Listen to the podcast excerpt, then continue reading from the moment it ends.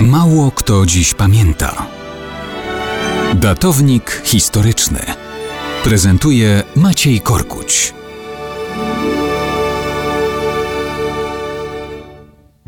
Mało kto zapewne dzisiaj się zastanawia, skąd się wzięła obecna dynastia panująca w Szwecji. Ba, wielu zapomina, że to wciąż jest królestwo.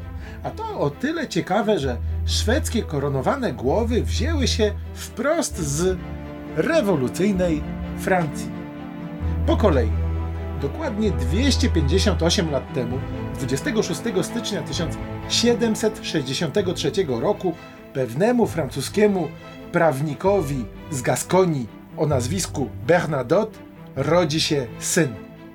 Dziecię otrzymuje imiona Jean-Baptiste Jules. Kiedy Jean-Baptiste ma 18 lat, zostaje francuskim żołnierzem. 9 lat później wybucha rewolucja.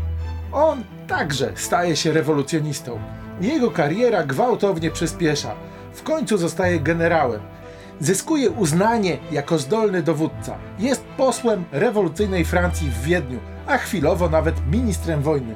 Napoleon czyni go marszałkiem, a za zasługi w bitwach pod Ulm i Austerlitz cesarz nadaje mu godność książęcą. Już jako książę marszałek Bernadotte z powodzeniem walczy z Prusakami, Rosjanami i Austriakami. I oto we wrześniu 1810 roku bezdzietny król Szwecji za zgodą Napoleona zresztą adoptuje owego księcia rewolucjonistę. Bernadotte zostaje tamtejszym następcą tronu. Przyjmuje imiona Karol Jan, oficjalnie przechodzi na luteranizm i bierze się za faktyczne rządy. Będzie sojusznikiem Francji? Nie! Dokonuje kopernikańskiego przewrotu w polityce zagranicznej Szwecji. Akceptuje utratę Finlandii na rzecz Rosji i ku zaskoczeniu wielu w 1812 roku właśnie z nią zawiera sojusz przeciwko Napoleonowi. Uczestniczy w wojnie po stronie rosyjskiej. Po klęsce Napoleona w nowej konstelacji politycznej atakuje Danię. Wymusza na niej odstąpienie Norwegii. Chce w ten sposób powetować utratę Finlandii. Kiedy Norwegowie ogłaszają niepodległość, likwiduje te pomysły, wysyłając wojsko. I wtedy ogłasza powstanie Unii Szwedzko-Norweskiej, która finalnie przetrwa prawie stulecie.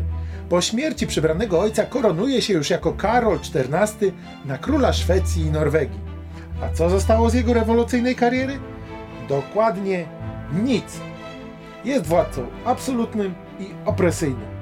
Ogranicza zresztą prawa obywatelskie, rozbudowuje tajną policję.